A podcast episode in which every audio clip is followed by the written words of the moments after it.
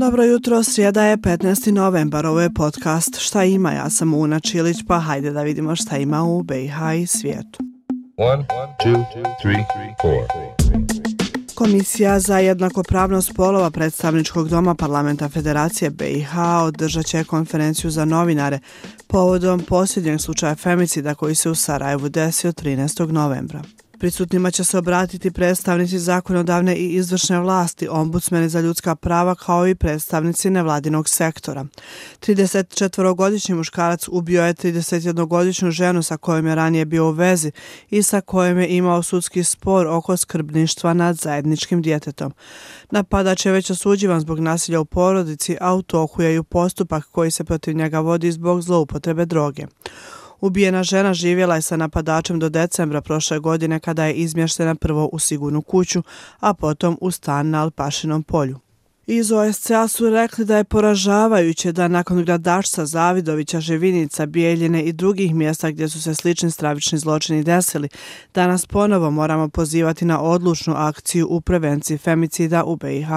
Pozvali su sve nivoje vlasti u BiH da daju prioritet prevenciji i borbi protiv rodno zasnovanog nasilja.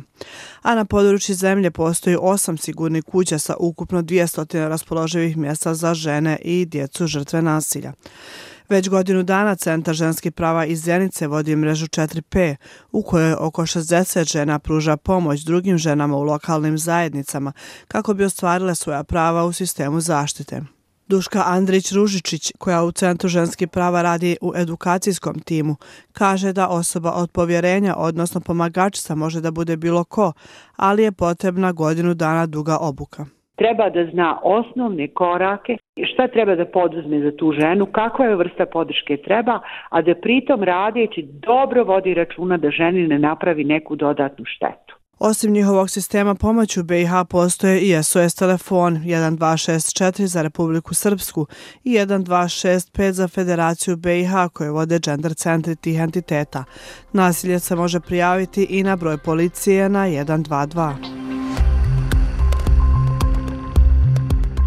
Danas obilježava i dan pisaca u zatvoru. Širom svijeta najmanje 277 pisaca se tokom prošle godine nalazilo u zatvorima u 36 zemalja. Brojni se suočavaju sa raznim drugim oblicima uznemiravanja. A svake godine povodom ovog dana Međunarodni pen centar organizuje sedmodnevnu kampanju u kojoj u fokus stavljaju neke od slučajeva pisaca u zatvoru.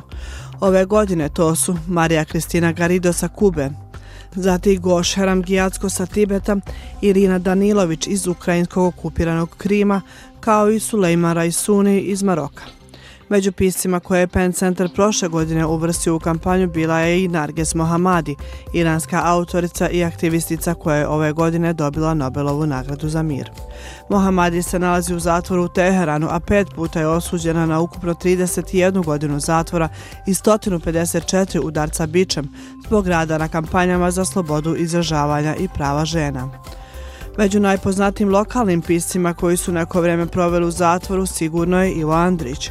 Svoju prvu knjigu Eksponto većinski je i napisao u Mariborskom zatvoru u kojem je završio zbog svog političkog djelovanja u ranoj mladosti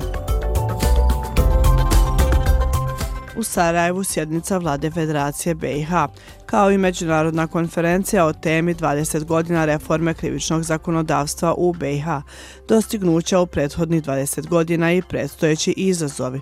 U Mostaru izložba fotografija nacionalni spomenici u Bosni i Hercegovini. Sve ostale informacije pronađite na slobodnaevropa.org. 1, 2, 3, 4. To je ukratko od mene za danas. Sretan ostatak dana. Čujemo se neki drugi put. Ćao.